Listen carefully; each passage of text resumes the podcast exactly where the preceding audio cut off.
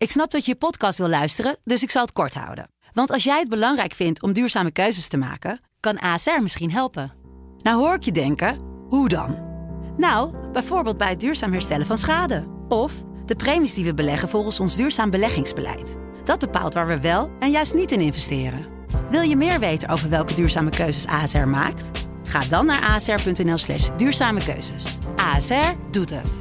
Zo, dan kan je nu lekker naar je podcast luisteren. Dit is een podcast van de Telegraaf. We zien nu dat het misgaat. Als we nu gaan wachten met nieuwe maatregelen tot dinsdag, dan gaan er dus weer een paar dagen voorbij waarin eigenlijk dus niet zoveel verandert. Afhameren met Wouter de Winter.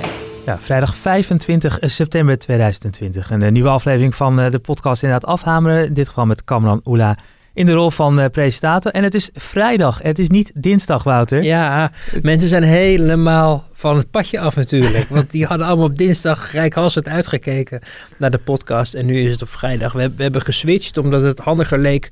Omdat Pim CD, uh, onze collega, op dinsdag in Den Haag kan zijn. Dan kunnen we ook wat, wat politici spreken. Die we dan ook vervolgens in afhameren uh, tv, zoals ik het dan maar even zal noemen, kunnen verwerken. En de podcast geeft ons op vrijdag wat, ook wat ruimte om te reflecteren op de week.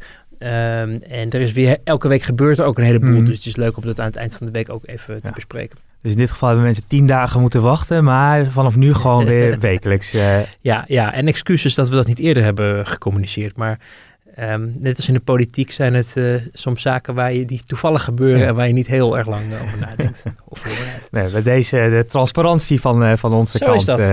en nou, het geeft ons ruimte om ook een beetje naar die week te kijken. De, de, de week die... die die begon ook met, uh, met premier Rutte, die, uh, die wat fel uithaalde naar voetbalsupporters die zich niet uh, correct hadden gedragen op de tribunes. Ja, zo richting het einde van de week zien we weer zoiets ja. gebeuren. In dit geval in Tilburg, waar een groot feest gisteravond of donderdagavond losbarstte. Ja.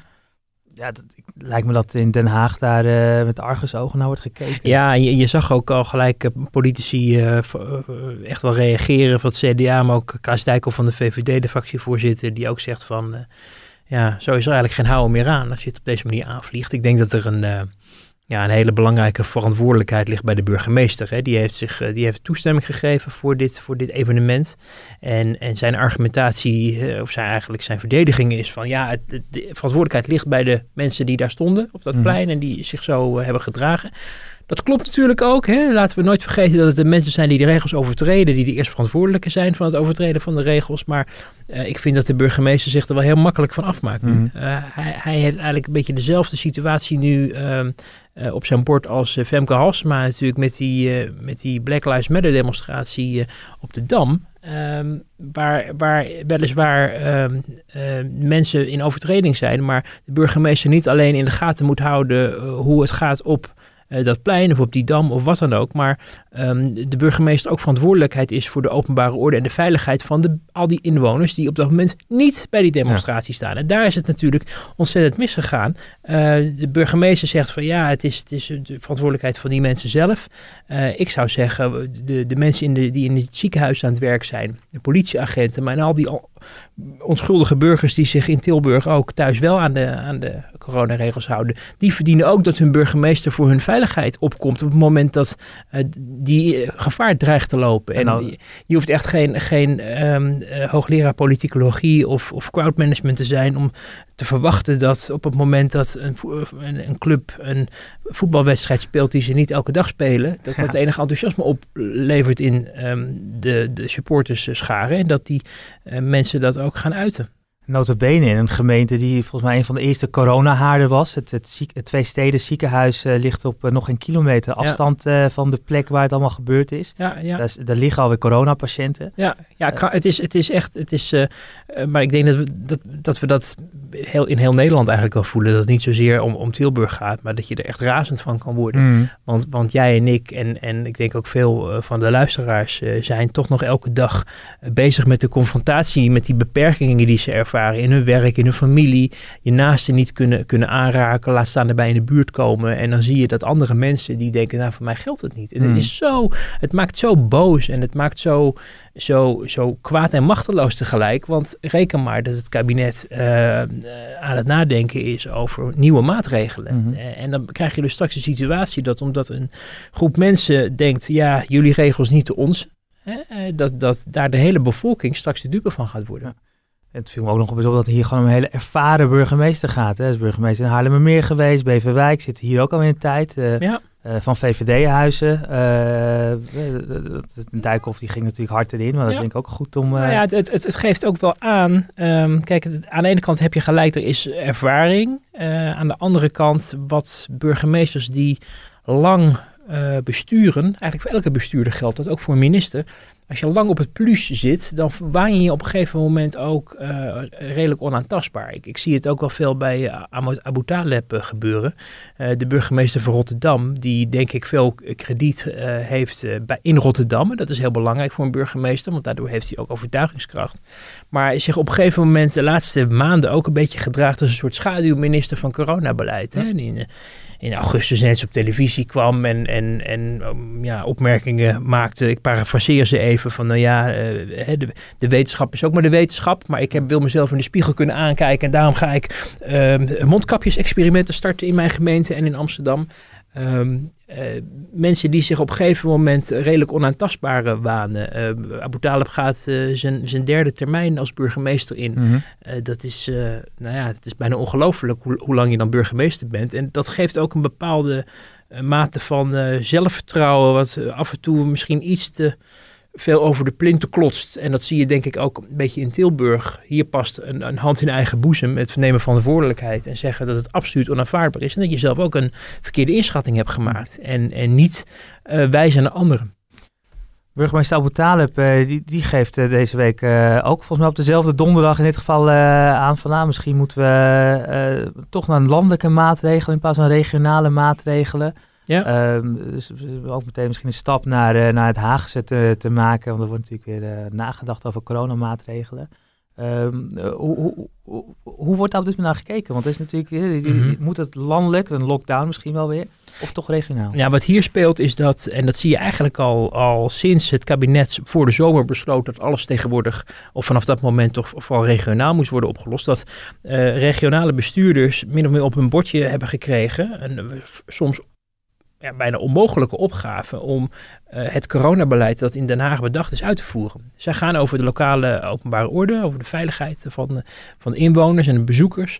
En, en wat je ziet gebeuren is dat um, uh, die burgemeesters onder enorme druk staan. Dat gebeurt ook in Amsterdam. De burgemeester van Amsterdam, Femke Halsema, die, die, nou ja, die, die staat onder grote druk van, uh, van de horeca. De horeca is groot in Amsterdam, ja. uh, invloedrijk ook. Uh, en um, ja, dat, dat merkt de burgemeester. En je merkt dus ook dat in die overleggen over nieuwe maatregelen, er vanuit die burgemeesters heel erg wordt aangestuurd op uh, landelijke uh, aanwijzingen, landelijke maatregelen, zodat ze zich daarachter kunnen verschuilen. Zodat zij niet de gebeten hond zijn en met al die horecabazen in de clinch moeten. Ik noem nu even de horeca als voorbeeld, want die, dat is in ieder geval in Amsterdam een pregnante groep. Mm -hmm. um, en dat je, dus, dat je dus merkt dat op het moment dat die maatregelen zelf door een burgemeester worden genomen, dan is zij of hij degene die daar ook verantwoordelijk voor is en aangesproken op moet, worden. Uh, en op het moment dat de landelijke overheid zegt dat het moet, dan kan je je als burgemeester achter verschuilen. Zeggen, ja, dat hebben ze in Den Haag besloten, dus wij zijn alleen maar aan het handhaven. En, en dat um, liep de afgelopen, de voorbije week zo uh, hoog op, dat we dus op woensdag hoorden dat er nieuwe maatregelen zouden komen, die vervolgens op vrijdag pas werden aangekondigd en ook nog eens wat later ingingen.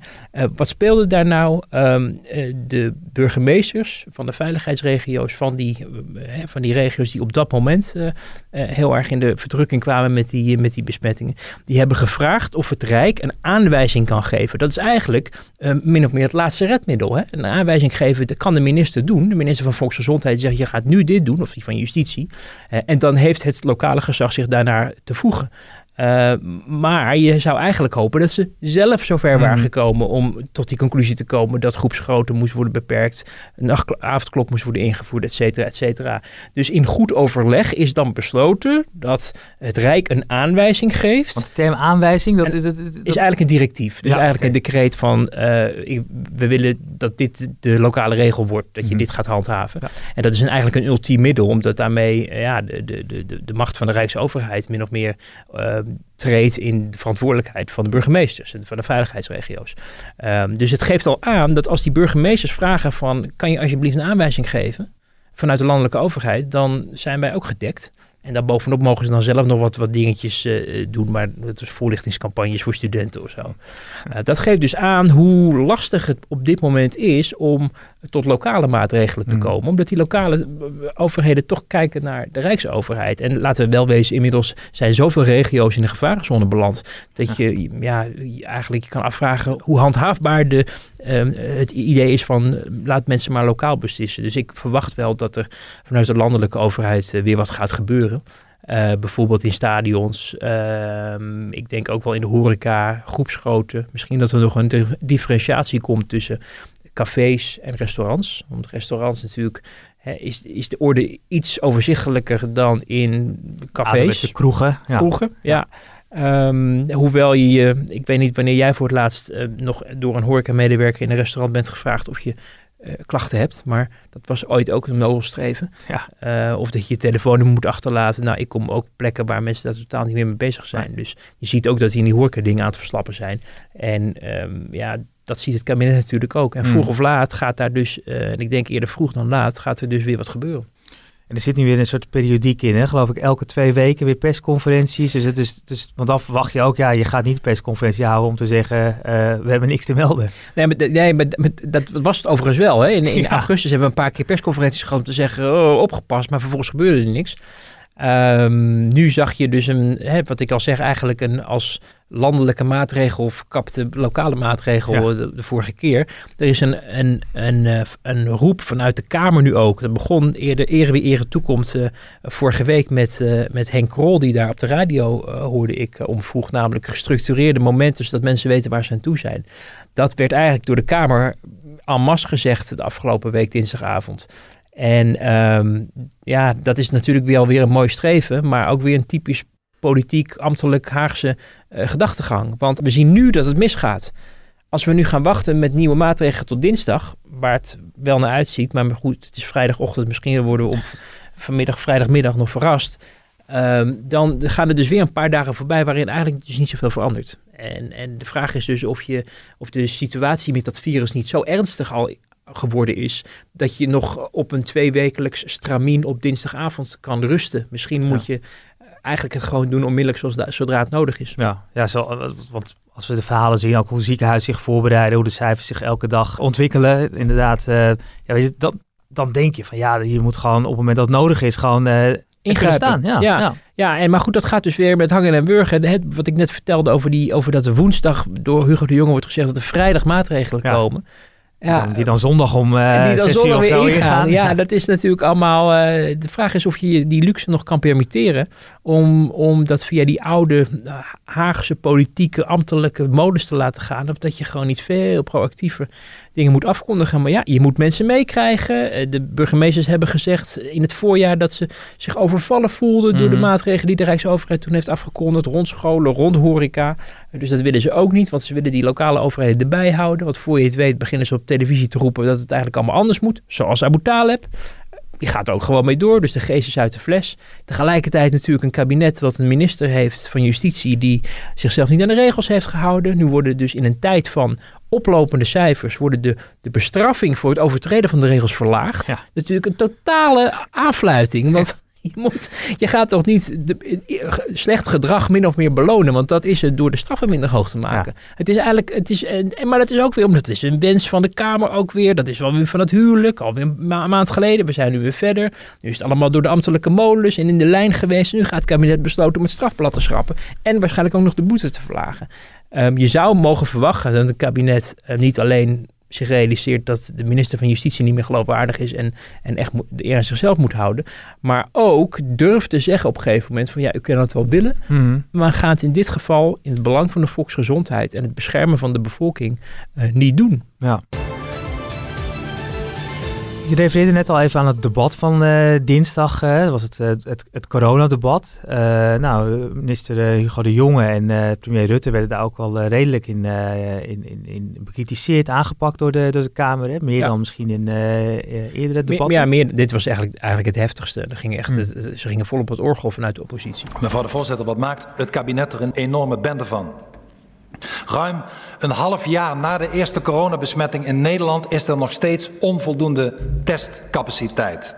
Als het nog verder misgaat, dan gaat het over duizenden levens en honderdduizenden banen. We zitten vandaag in de tweede golf en we zijn er niet klaar voor. Dus mijn vraag aan het kabinet is: hoe gaan zij nu orde op zaken stellen en hoe gaan zij het vertrouwen denken terug te winnen? Dat was ook wel een beetje te verwachten, want de verkiezingen komen eraan en, en het gaat, laten we wel weten, het gaat ook gewoon echt niet goed. Allerlei dingen gaan mis, uh, testcapaciteit, uh, bron- en contactonderzoek, allemaal dingen waar het kabinetsbeleid op gestoeld is, ja, voldoen niet. En het is denk ik heel niet meer dan normaal om daar het kabinet over ter verantwoording te roepen. Je zag de, de, de, de, de, de vermoeidheid uh, bij zowel Rutte als vooral Hugo de Jonge ehm, op de gezichten viel die af te lezen. De kribbige reacties ook, uh, her en der. En um, um, ja, je merkt zelfs vanuit de Kamer dat er nu preventief ook een beetje de rem op lijkt te gaan. Uh, op het moment dat ze zien dat sommige bewindspersonen het heel zwaar krijgen. Mm -hmm. Ze hebben natuurlijk uh, gezien hoe Bruno Bruins in de Kamer ineen is gestort. En, en ook uit het gevoel van medemenselijkheid, maar ook uit het gevoel van een politiek risico. Want het straalde ook niet op iedereen even goed af. Hè? Want je krijgt voor je het weet natuurlijk al de schuld van, uh, van, uh, van, van de kijker, de kiezer, de burger. op het moment dat jij iemand aanpakt, vervolgens gaat de minister down. Want ja. het was wel grappig. Uh, Bruno Bruins was helemaal niet zo'n goede minister. En zeker niet in coronatijd. Maar omdat hij ten onder ging, was het vervolgens. ach, wat, wat, wat knap. En wat is hij in het harnas. Ja. En, maar als je achteraf ook met, met politici, met collega's van hem, maar ook de entourages en Kamerleden. Dan geeft iedereen ook wel toe van ja, hij was ook niet echt de juiste man op de juiste plek. Uh, maar op het moment dat iemand uh, neergaat, uh, dan heeft al heel snel iemand anders het gedaan. Ja. En, en daar zijn ze in de Kamer ook wel beducht voor. Daarom heeft, is, Hugo die, of is Vert Grapperhaus er ook van afgekomen door met de Waterlanders aan het begin van zijn inbreng over het huwelijk mm. ja, toe te passen. sommige mensen zeggen dat hij echt emotioneel was, anderen zeggen hij, hij was, die tranen zijn op afroep beschikbaar. Maar goed, dat hebben we eerder besproken hier. Ja. maar dat die Kamer daardoor ook niet zo snel meer durft. Um, en dan zag je van de week Jesse Klaver van GroenLinks bij, bij Jinek gewoon vertellen... ja, ja, de minister had de, de ja, zichzelf moeten houden. Dan denk ik, ja, maar met alle respect... Jij zit in de Tweede Kamer. Als jij vindt dat de minister weg moet, dan dien je een motie van wantrouwen in. En dan zeg je, wij hebben er geen vertrouwen meer in. Dit, dit soort witwasserij, goedpraterij van eerder eigen falen ook. De minister had denk ik gewoon de aan zichzelf moeten houden om de geloofwaardigheid van het kabinetsbeleid en van het ministerie van Justitie te bewaken. Uh, maar vervolgens ligt er ook een, een een verantwoordelijkheid natuurlijk bij de Tweede Kamer, die het kabinet controleert en ook de inschatting moet maken: is dit uit te leggen, is dit handhaafbaar of niet? En um, nou ja, ik denk dat dat, dat dat dus ook een beetje voor een dubbeltje op de eerste rang zit. Mhm. Om nu te roepen, ja, had eigenlijk weg gaan moeten. Maar op het moment dat het erom ging, uh, die stap niet durven zetten. Dan uh, minister Hugo de Jonge, daar ging het uh, net al even over. Hè. Er zijn dus wat zorgen ook over, de, nou, over, over zijn gezondheid. Of hoe fit en energiek hij nog is Ja. en oogt. Ja. Um, wij wisten uh, het, het, nieuws te brengen dat zijn portefeuille ook wordt verlicht. Hoe, Ja. hoe, hoe zit dat? Uh? Ja, dat, is, uh, dat was wel interessant. Uh, we hoorden dat gisteren na, na, een beetje rondbellen. Omdat je toch denkt van ja, die gezondheidssituatie, het zit niet helemaal lekker. Uh, het is ook bijna onmogelijk. Hè? Het lijsttrekkerschap, vicepremierschap, coronaminister en nog een heel zwaar uh, uh, ministerschap natuurlijk. Hè? Want de, voor de coronacrisis had minister De Jonge met de zorgportefeuille ook al een, een heel zwaar ministerschap. Dus um, iedereen ziet wel dat het eigenlijk niet te combineren is. En je ziet het ook fysiek ook wel aan hem. Hij is wat minder vrolijk ook, wat minder opgewekt. Um, lijkt ook weinig nog aan te nemen van mensen die zeggen: je moet misschien uh, wat minder bravoure tonen, wat minder dingen beloven, maar toch een voorzichtigheid inbouwen. Hè? Of het nou gaat om apps, of testcapaciteit, of het vaccin, waarvan hij weer een brief schrijft van de week dat ja. dat in het uh, begin van het jaar wel geregeld ja. is. Nou, ik help het je hopen. Um, hij neemt dus niet zo snel van mensen wat aan. Ook niet over zijn, zijn, uh, ja, zijn appearance en zo. Natuurlijk ook vaak over gehad. Ehm, en dan, dan ontstaat er toch een beweging dat mensen aan de ene kant ook in de coalitie denken, ja, eh, hij heeft het zwaar, we vinden het allemaal erg. Maar tegelijkertijd ook wel zien van, ja, iemand moet tegen hem zeggen. Hè, hoe vertellen we het, Hugo? Eh, om, om, om te zorgen dat hij ook een beetje tegen zichzelf in bescherming Mhm. wordt genomen. Hè? Iemand die heel graag wil shine en zich wil bewijzen dat hij het kan. Eh hebben we het misschien allemaal wel eens in ons leven meegemaakt. Of bij anderen gezien. Dat als je ziet dat iemand te veel hooi op zijn vork neemt. Dat, dat, dat diegene dat meestal verteld moet worden. Omdat hij het zelf nog niet doorheeft. Mhm. En ehm, nou ja, dan hoor je dus dat er ehm, gesproken werd over het verlichten van zijn taken. Niet helemaal alles, behalve het coronaministeriaat, zal ik maar zeggen, hebben. Nog wel iets overhouden, maar wel in taken verlicht worden. En dan vraag je af, wie heeft dat dan tegen hem gezegd? Nou, daar wordt dan heel geheimzinnig over gedaan. Waarvan ik denk, nou, hij heeft het in ieder geval niet zelf bedacht. Nee. Dus dat zal zijn omgeving hebben gedaan. De SG zou het bijvoorbeeld kunnen zijn geweest. Mhm. De secretaris-generaal die toch ziet dat de workload en hoe dat ver- verdeeld is over de bewindspersonen op het ministerie. ehm, dat hij denkt, ja, het is ook heel wel mogelijk om een deel van de ouderenzorg bijvoorbeeld te parkeren bij eh, Tamara van Ark, de nieuwe minister, of bij eh, eh, Blokhuis. Paul Blokhuis, die natuurlijk ook niet echt dagen maakt van 72 uur. Of nou ja, je snapt wat ik bedoel. Ja. Eh, dus, dus dat zou ook wel kunnen. En ik dacht bij mezelf, ja, er zijn nog wel wat meer ministers die, die het niet zo druk hebben. Ik denk dan bijvoorbeeld toch even een klein zijstapje naar minister Kaag. Hè? Want minister Kaag is toch de minister voor Buitenlandse Handel en Ontwikkelingssamenwerking. Maar die gaat het land ook niet meer uit. Want overal is reisverbod, Ja. ligt helemaal stil. Dus je zou zeggen, hè, die heeft tijd zat. Laat haar eh, iets doen. Dan kan ze ook gelijk wat figuren maken in, in zware beslissingen nemen.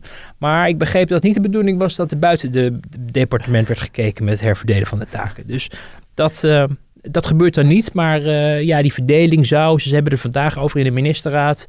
Eh, was gisteren nog wat twijfel of het er vandaag al uit zou komen. Maar ja, op, op het moment dat het in de krant staat, dan kunnen dingen soms ineens heel snel gaan. Ja. Dus dat zullen we zeer binnenkort horen, denk ik. Ja.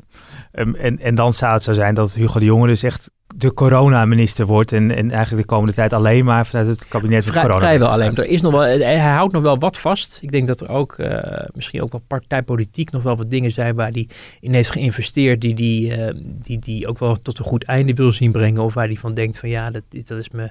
Het kan ook soms, soms zijn er ook onderwerpen waar een bewindspersoon heel erg in heeft geïnvesteerd. Of, of heel erg veel persoonlijke belangstelling voor heeft. Maar er is vaker zijn natuurlijk dingen eh, verdeeld. hè. Je had tijdens de asielcrisis van een paar jaar geleden was eh, had staatssecretaris Dijkhoff toen nog ook een zware portefeuille. En toen heeft Art van der Stuur, de minister, een aantal taken overgenomen. Zodat Dijkhoff eh, ehm, zich op die asielcrisis kon richten. En we hebben het natuurlijk gezien met Ollongeren, de minister van Binnenlandse Zaken. Die, ehm, die uitgeschakeld eh, werd. En die eigenlijk haar portefeuille over allerlei verschillende departementen verdeeld zag. Ja. Eh, allerlei verschillende ministers en staatssecretarissen die het werk toen van haar hebben overgenomen. Dus op zich is dit niet ongebruikelijk. Eh, maar ja, het is misschien een beetje aan de late kant. Over een paar maanden al, de, al, al verkiezingen en we zitten al midden in die tweede golf, eh, lijkt het nu Nou, toch op. Dus, ja, dat is ook het, het bizarre natuurlijk. Van als, je, als je kijkt naar de, de, We zaten hier nog vorige week. eh, toen was het toch. eh, eh, was het nog eh, Prinsjesdag. En toen Ja. lag er een begroting en een voorwoord van de minister van Financiën. Die zegt: Ja, nou, dit zijn de vooruitzichten. Er is hoop voor de, voor de toekomst. Vooruitzichten voor volgend jaar zien er goed uit. Maar ja, alles kan wel veranderen als er een tweede golf komt. En, en nou, nog geen week later is de tweede golf daar. Dus ik denk, nou, kunnen we die begroting ook gelijk in de prullenbak mieteren. Eh, maar denk je ook even aan de, aan de, aan de, aan de, aan de gevaren en de risico's waar hij Mm. toen al op, op wees. Namelijk bijvoorbeeld ook de financiële sector. Eh, die, die, waarvan hij verwachtte dat hij wel geraakt zou worden als er een tweede golf zou komen. De Rijksfinanciën staan er nog, nog steeds wel goed voor, waardoor we een, ook een tweede golf financieel denk ik wel aankunnen. Ook als het gaat om extra steunmaatregelen. Want eh, Martin Visser zei dat, eh, ik geloof deze week ook voor deze microfoon. Het is bijna, eh, het is wat surrealistisch dat je een, een derde steunpakket komt en ook een heleboel maatregelen afbouwt op het moment dat de nood eigenlijk alleen maar weer hoger wordt. Mm. Dus het zou me helemaal niet verbazen als we de komende weken en maanden weer een nieuwe extra steunronde voorbij zien komen. Maar het geeft me aan hoe moeilijk het het bestuur op dit moment is. Want je kan nergens van uitgaan. De, cijfers, de omstandigheden waar je zelf eh, van hoopt dat ze niet gebeuren, die, die kunnen veranderen. En die kunnen uh, ervoor zorgen dat je je ook als kabinet het roer weer om moet gooien en een hele andere kant op moet. Dus wat dat betreft is het goed dat, denk ik, Hugo de Jonge een, een stapje terug doet op al die andere zaken. Want er zijn genoeg mensen, laten we wel wezen, dat kabinet peilt uit van, van bemensing in, in de ministerraad. Er zijn genoeg mensen die, die nog wat taken kunnen overnemen van hem. Zover corona, denk ik, voor deze podcast uh, deze ja. week. Maar we, we, zijn er nog niet.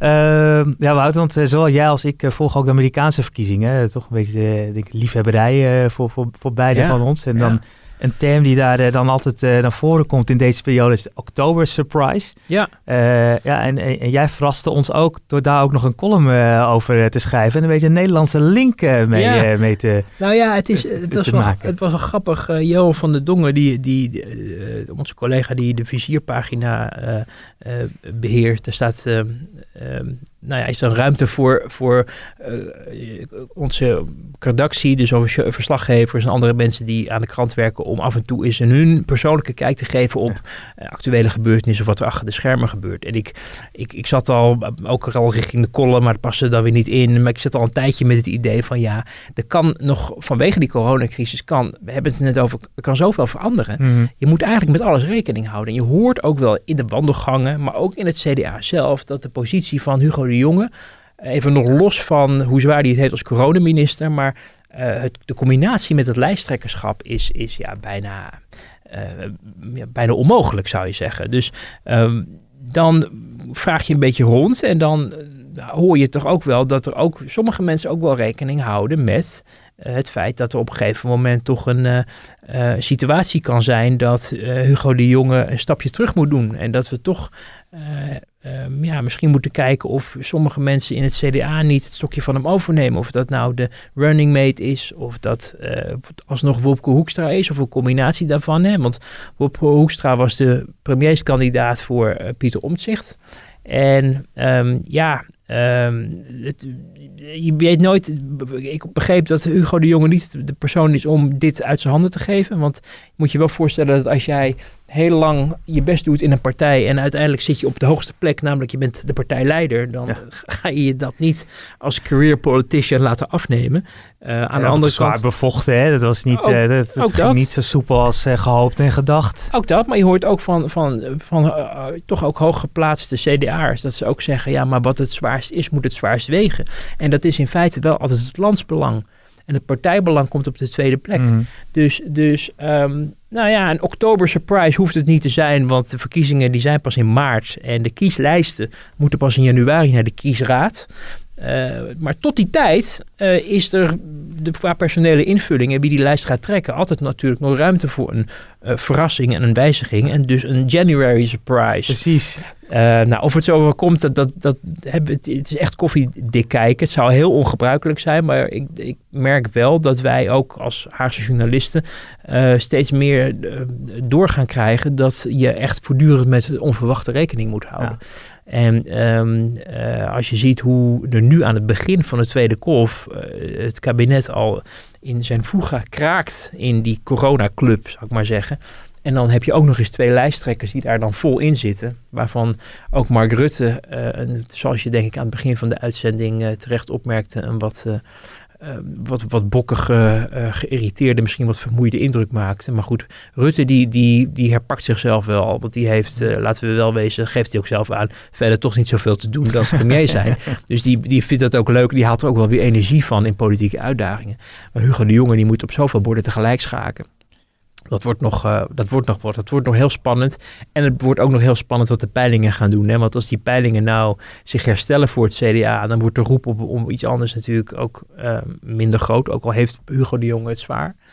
Uh, maar uh, als dat richting de tien zetels gaat, ja. voor een partij die ooit op, wat was het, 54 geloof ik stond, mm -hmm. uh, tijdens Lubbers, ja, dan gaat ook zo'n partij zich natuurlijk roeren. En zeker met zo'n krappe uitslag van de lijsttrekkersverkiezing. Dus er kan wat dat betreft nog veel gebeuren. Ja, en in dat kader viel het je dus ook op dat iemand waarvan je van verwacht, ja, die hoeft nu niet, die kan een beetje op de, op de achtergrond blijven de minister van Financiën, Bobke Hoekstra, dat die zich vorige week toch hier en daar liet zien. En zelfs een hele week liet volgen op, op Radio 1. Laten we heel veel luisteren hoe dat, hoe dat klonk.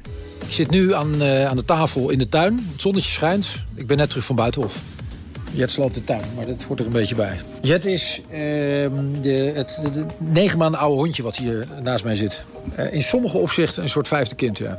Jet, kom eens hier. Het is de enige in huis met wie iedereen het altijd gezellig heeft. Nou, ik denk dat uh, het voor heel veel ouders met jonge kinderen, net als voor ons het gewoon zoeken is, puzzelen is. En je altijd probeert te combineren. De zorg voor de kinderen, tijd met elkaar en het werk. Ja, normaal hoor je dit soort dingen in campagne Nou inderdaad, ik, ik had dit, dit fragment al nog niet gehoord. Ik zag, ik zag Jair wel al met, in, in, dat, in dat prachtige huis van hem, want hij woont, uh, zag ik mooi. Uh, waarin uh, Jair werd voorgesteld aan Lieselot, de, ver, ja. de verloofde van de, de, minister. En dat, dat was voor mij een inspiratie om daar um, in, in die column ook iets over te schrijven. Goh, hij staat wel erg in de belangstelling. Nu hoor ik dit terug. Hè, de hond en eh, al jouw ouders met jonge kinderen, hè, die CDA-minister die het over heeft. Je denkt, jeetje, als je niet beter zou weten, dan werd, was dit zeg maar de opmaat naar het lijsttrekkerschap. En uh, het liefst graag ook het premierschap als het even kan. Um, dus ja, het, het, viel ook op. En het viel ook mensen, ook in het CDA, maar ook daarbuiten wel op van... Goh, wat is de minister van Financiën ineens veel in de spotlight. Het is voor uh, de minister van Financiën tijdens Prinsjesdag, rond Prinsjesdag gebruikelijk dat hij wat meer in de publiciteit is. Hè? Dat koffertje, en het draait, hij is de man van financiën, dus het draait ook wel veel om hem op die dag. Mm -hmm. Maar dit ging veel verder dan, goh, wat verwacht u van het komende jaar? Wij weten, hoe heet dat hondje nou? Jette? Jet, Jet, Jet? ja, negen maanden. Ja, negen maanden, de enige in het gezin waar iedereen het altijd gezellig mee heeft. Vond ik best een, on, best een ontboezeming, ja. overigens. Ik weet niet of er nog servies staat in, de, in, het keukenkastje, maar um, Nee, maar, maar dit, dit, dit soort dingen, ja, die, die voeden wel weer speculatie van, van um, um, is, er een, is dit het plan B van het CDA? Ja. Uh, nou, dat zou dan verraden dat er daadwerkelijk wordt nagedacht over hoe die campagne en, en die lijsttrekkersstrijd gevoerd moet worden. En we hebben gezien dat dat niet zo goed gelukt is de afgelopen maanden. Dus, dus dat spreekt daar weer tegen. Um, ik heb ook wel uit de omgeving van de minister gehoord dat het niet de bedoeling is dat als hij eerst nee zegt om leider te worden, dat hij dan een paar maanden later alsnog ja zegt. Maar er is natuurlijk altijd een scenario mogelijk dat de partij een beroep op je doet omdat het anders helemaal is afgelopen. Mm -hmm. uh, dat hij onder, onder enorme druk wordt gezet of dat hij in een soort tandemversie terechtkomt waarin uh, die Pieter Omtzigt natuurlijk al heeft geopperd van nou ja, Pieter Omtzigt hoeft er zelf geen premier te zijn, want dacht hij zichzelf niet zo geschikt voor. Mm -hmm. Maar toch gevraagd toen of, of, of Wopke Hoekstra beschikbaar was. En Wopke Hoekstra was beschikbaar ja. voor, voor als het zover zou komen, gaf hij toen aan vanuit zijn vakantieadres in de Pyreneeën. Dus um, ik laat me wat dat betreft uh, in ieder geval politiek, journalistiek, inhoudelijk graag ver, verrassen door een um, surprise. Maar het, dit viel mij ook wel heel erg op. Het was echt wel meer dan, uh, dan en zeker ook datgene wat, waar het over ging. Dat ging veel meer over het persoonlijke uh, verhaal dan over, dames en heren, stoelriemen vast, want ontstaat een zwaar financieel jaar te wachten. Exact. Nou, we gaan uh, kijken welke verrassingen we komende weken weer uh, ja. nou, voor onze voeten krijgen geworpen. Ja, en dat is, dat is dan, het is, uh, het is heel dubbel hoor. Want we, ook, ook wij journalisten ervaren natuurlijk dagelijks de, de keerzijde. Of het nou is dat je uh, je zelf beperkt voelt of dat je dierbaren of, of vrienden ziet, uh, ziet struggelen mm. met hun baan of gezondheid, soms zelfs overlijden, uh, vertrouwerijen die niet doorgaan. Dus dat is, zijn allemaal dingen die ook ons niet ontgaan. Maar het is journalistiek inhoudelijk natuurlijk wel echt een fantastische tijd. Er gebeuren zoveel gekke dingen, onverwachte dingen. Er wordt zoveel gevraagd van politici, creativiteit ook. Uh, die, die natuurlijk heel interessant zijn voor mensen die politiek interessant vinden. En ik denk dat dat ook veel luisteraars zijn van de, de podcast. Dus ik zou zeggen, volgende week gewoon weer. Precies. Nou, tot dan. En uh, abonneert u zich, dan weet u in ieder geval wanneer we er zijn. En in principe is dat gewoon op de vrijdag. Zo is dat.